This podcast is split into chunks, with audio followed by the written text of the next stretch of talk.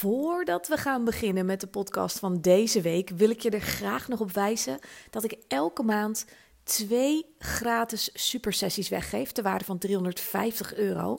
En dat is een uur één op één coaching met mij. Voel jij nou dat je toe bent aan verandering? Zit er al iets te borrelen al een tijdje? Heb je geen tijd om ermee te zijn, maar je voelt dat er veel meer in je zit dan eruit komt? Kijk dan even op www.madelonrijkers.nl slash supersessie en meld je aan. En wie weet zit jij er deze maand bij en ben je een van de twee gelukkige winnaars. Veel plezier met deze podcast.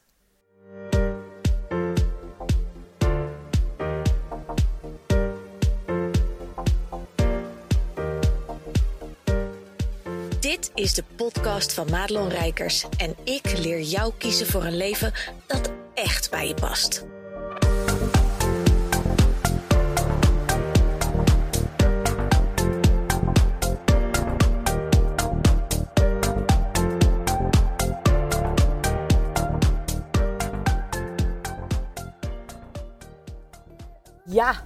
Dat je luistert naar deze podcast. En deze podcast die uh, uh, bevat een beetje een uh, pikant onderwerp waar ik een heel mooi bruggetje zag. Ik moet even opletten dat ik nergens tegen aanrijd. Ik zit natuurlijk weer in de auto. Ik ga mijn kinderen even halen van de sport. Um, maar het was een heel mooi bruggetje. Wat ik bij een nogal pikant onderwerp in het nieuws hoorde van de week. En ik dacht, die ga ik even met je uitwerken. Want wat er vaak gebeurt, en dat gebeurt um, mensen die net starten sowieso, maar er zijn ook heel veel mensen die um, wat verder zijn in hun onderneming, is dat er um, dingen niet zo heel goed worden afgetikt aan de voorkant, waardoor je de, aan de achterkant er gezeik over krijgt. Nou, ik zal even het nieuwsitem vertellen. Het was namelijk het volgende. Er was een meneer in Alkmaar en die dacht, ik ga uh, een trio hebben. en die betaalde twee sekswerkers. Althans, daar kom ik zo op. Maar die had dus een vier uur durend trio. Ik dacht echt, hé, hey, lek voor je gast. En om, toen het klaar was, toen moest de beste man 1100 euro aftikken. Toen dacht ik nog, ha, uh, volgens mij zo'n rondje Tinder heb je het ook zo voor elkaar, denk ik. Maar dat schijnt voor mannen lastiger zijn, te zijn dan voor vrouwen. Um, maar ik dacht 1100 euro, tering Jantje zeg, daar kan je, kan je leuke dingen mee doen. Nou, anywho, die man had dus geen 1100 euro bij zich, maar wel 325. Dus die gaf 325 euro en gaf daarmee zijn telefoon in onderpand. En hij ging dan geld halen. Nou, je voelt hem al aankomen op je water, of aan je water. Um, die man kwam natuurlijk niet terug. Wat had die lul nou gedaan? Letterlijk. Die had zo'n pasje nog in, in dit hoesje laten zitten of zo, weet ik veel. Dus de uitbater van die ja, uh, sekswerkers, die had heel snel natuurlijk te pakken waar de beste man woonde. En kon daarop alsnog de incasso doen.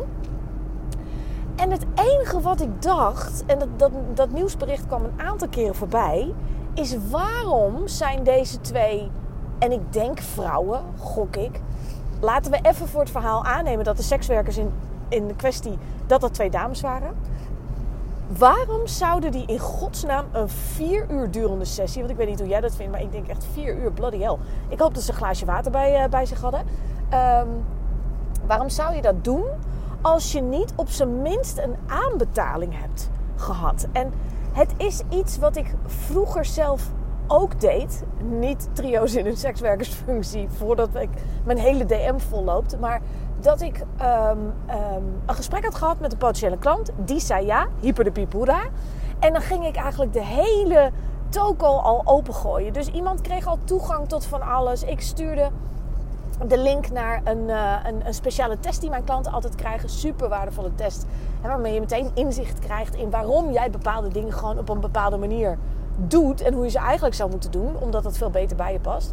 Waarom je bijvoorbeeld ook met allemaal mensen in de clinch ligt, zonder dat je dan steeds denkt van hoe kan dat nou? Je kent dat wel. Nou, dus die kregen ze al. Ik stuurde al het postpakket op met, met allemaal leuke dingetjes erin. En ja, en dan gebeurde het wel eens dat iemand de keutel introk, spreekwoordelijk gezegd. En wat er dan ontstond was een probleem, want ik had uh, kijk, weet je, als je mensen toegang geeft online tot dingen, ja, dat knal je weer dicht. Je weet niet wat iemand al verbruikt heeft of gezien heeft of gedaan heeft. Maar hey, weet je, met, met twee video's kijken weet iedereen wel, dan kom je niet zo heel ver. Maar ja, zo'n postpakket heeft toch ook al een aardige waarde. En in mijn geval loopt dat al gauw, ja, afhankelijk hè, van welk programma het was, tussen de 25 en 50 euro. Ja, dat was ik dan kwijt. Want ik kon wel zeggen, ja, stuur maar terug. En dat zei ik dan ook wel. Maar ja, dat gebeurde dan soms ook niet. Dus een van de dingen die ik op een gegeven moment heb veranderd is de, het onboardingsproces. En dat is inmiddels een geoliede machine. Eentje die ik sinds kort ook zelfs niet eens meer zelf doe. Omdat mijn marine dat natuurlijk allemaal regelt. Maar daar zit echt een hele workflow op en een hele strategie.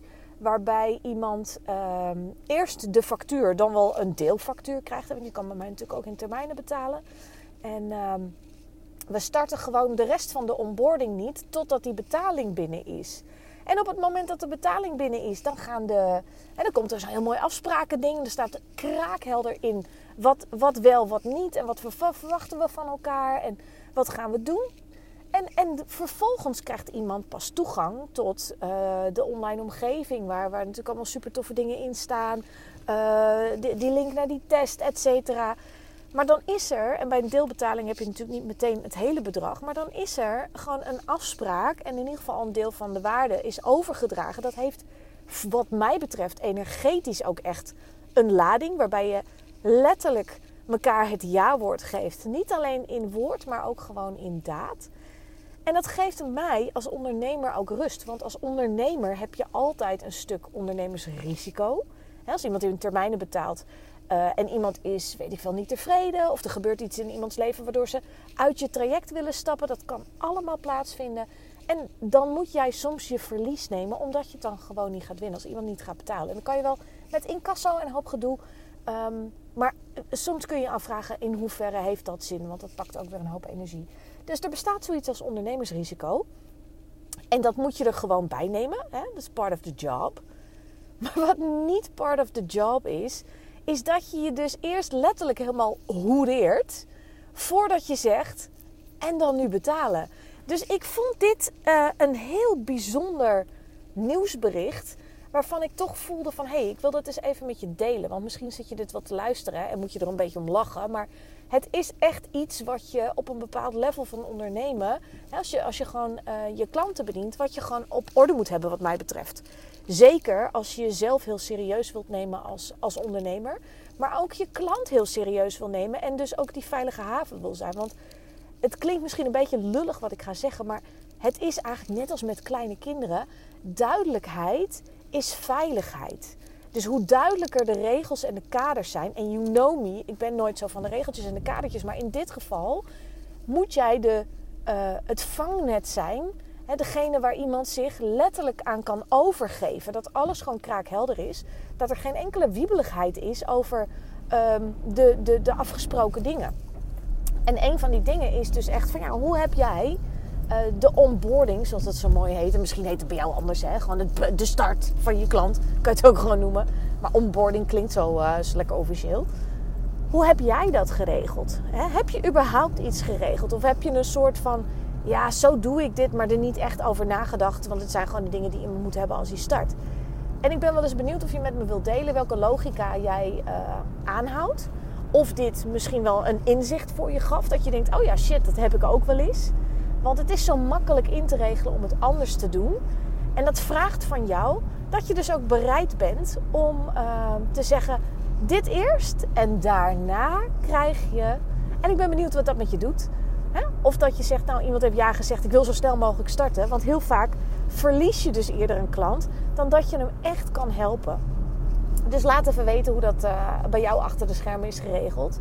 En uh, misschien heb je er wel een vraag over en wil je het er eens over hebben. Dat kan. DM me gewoon even op Instagram. Mail me even op madelon.madelonrijkers.nl En stel gewoon je vraag. Want weet je, als ondernemer uh, heb, je, heb je het te doen met je eigen kennis. En hoe lekker is het als je gewoon het wiel niet helemaal opnieuw moet uitvinden. Dus dat.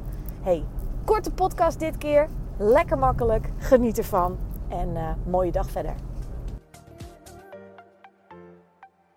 Goed dat je luisterde naar deze podcast. Wil je meer van mij weten? Check dan snel mijn Instagram. Of kijk op www.madelonrijkers.nl